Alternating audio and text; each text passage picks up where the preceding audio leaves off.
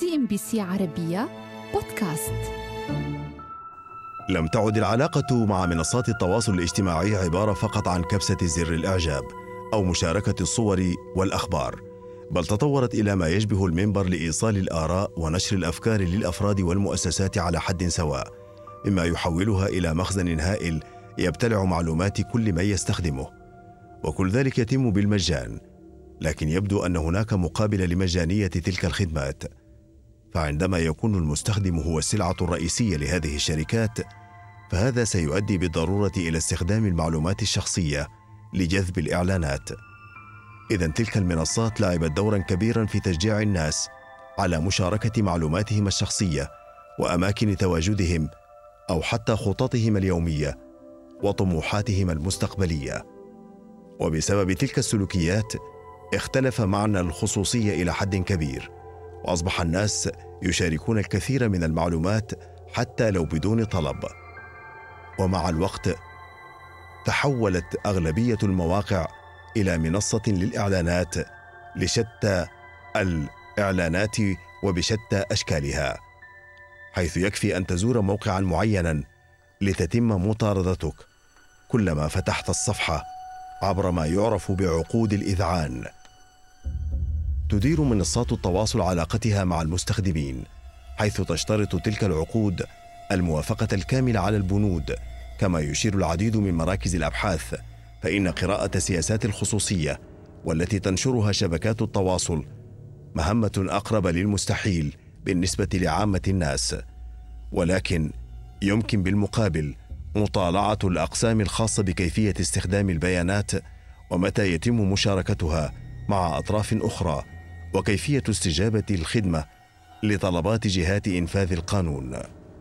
وبسبب تزايد المخاوف من المساس بخصوصيه المستخدمين فقد قوبلت السياسة الجديدة التي قرر تطبيق واتساب اعتمادها بموجة عالية من الانتقادات خصوصا أن التطبيق بات تابعا لشركة فيسبوك منذ عام 2014 يتمثل ذلك في الكم الكبير من البيانات الشخصية التي تسمح السياسة الجديده بالحصول عليها.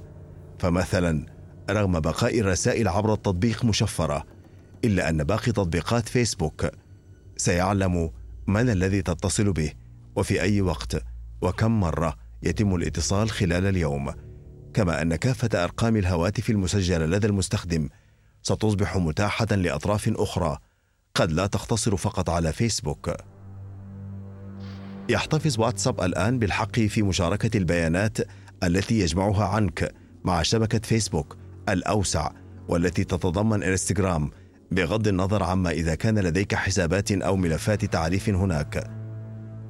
وصف مؤسس فيسبوك مارك زوكربيرغ الخطة الجديدة للخصوصية بأنها تقع في دائرة الربط البيني بين المواقع المختلفة التي تقع تحت مظلة عملاق التواصل الاجتماعي. كما أوردت الشركة أن المبرر الأكبر لذلك له علاقة بأغراض ربحية باعتبار أن جميع الإيرادات في عام 2020 جاءت عبر الإعلانات على صفحات الفيسبوك دون مساهمة تذكر من واتساب. وعليه فالخطة الجديدة التي تنوي فيسبوك انتهاجها تتعلق فقط بالمستخدمين خارج المنطقة الأوروبية حيث تمنع قوانين حماية البيانات في تلك المنطقة من تطبيقها. وبالعودة للسنوات القليلة الماضية. فقد واجهت تلك الشركة مطالب بتجديد إجراءاتها الخاصة بحماية خصوصية المستخدمين وضمان عدم استغلال بياناتهم لأغراض سياسية.